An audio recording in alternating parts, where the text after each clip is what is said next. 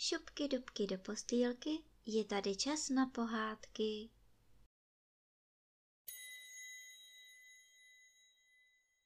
Dnes vám budu vyprávět pohádku z knížky Ferda Mravenec v mraveništi, kapitola 17. Jak se chystali k svatbě a jak nakonec všechno uletělo. Na povrchu se už rozpoutala veselice. Hrálo několik kapel a veliká mšice roztáčela kolotoč. Mezi všemi se procházely chůvičky a rozdělovaly koláče, cukrovinky, obložené chlebíčky, bonbóny s ovocnou nádivkou, limonádu, čokoládu, malinovku a oranžádu. Donesli také slané tyčinky a preclíčky. Pak doběhli ještě pro zmrzlinu a pro šlehačku a pro turecký med. Ba měli tam i ošatku burských oříšků a každý z přítomných si mohl vzít, kolik chtěl. Nožička dostal od všeho dvakrát.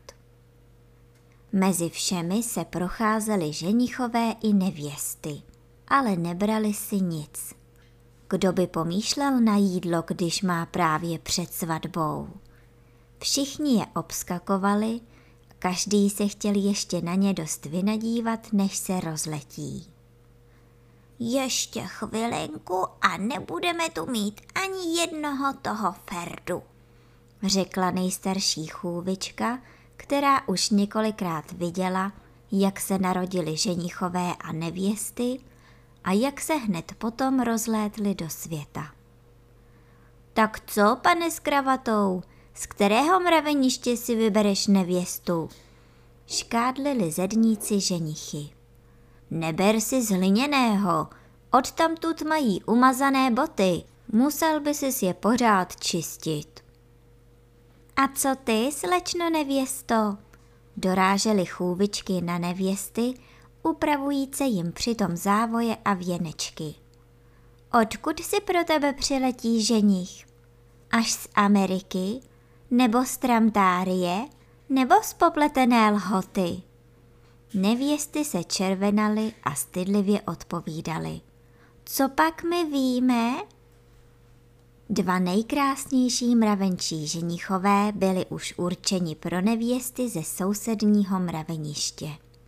Však už pro ně přišli poslové a vypravovali, že se jim tam narodily dvě překrásné nevěsty, ale že je stará královna vůbec nepustí ven, aby ji neuletěli.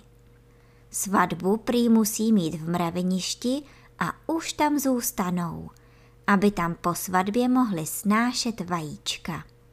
Proto prý mají páni ženichové, až se začne lítat, letět rovnou k ním do mraveniště. Zametálkové oba ženichy kartáčovali, leštili, aby byli ještě krásnější.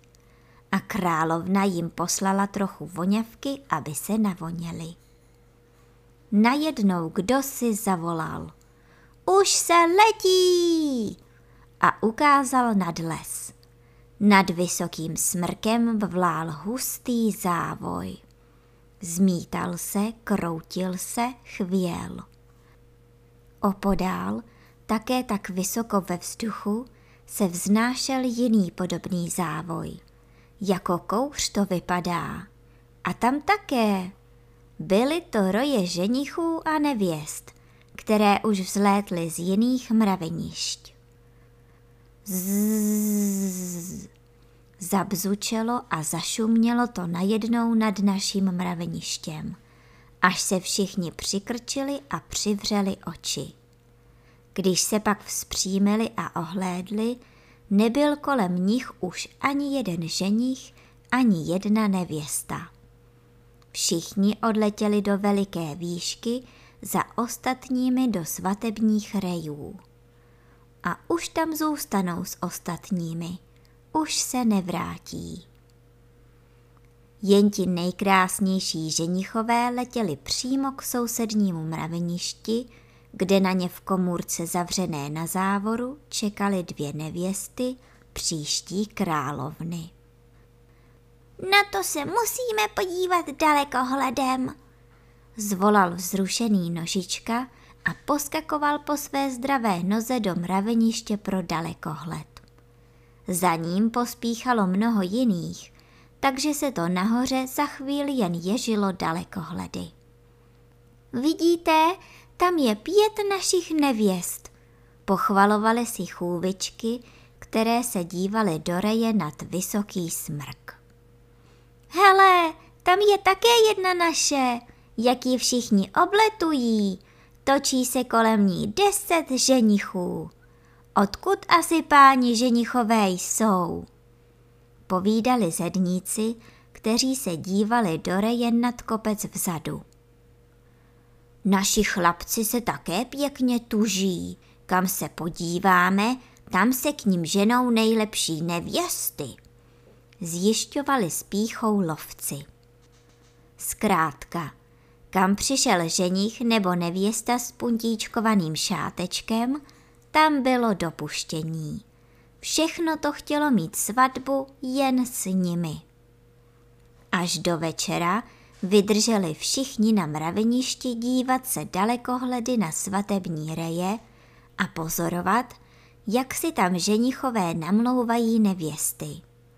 Jak si každý vybírá toho, kdo se mu nejvíce líbí, jak se objímají a jak se jeden párek po druhém ztrácejí, aby si někde na zemi založili vlastní mraveniště.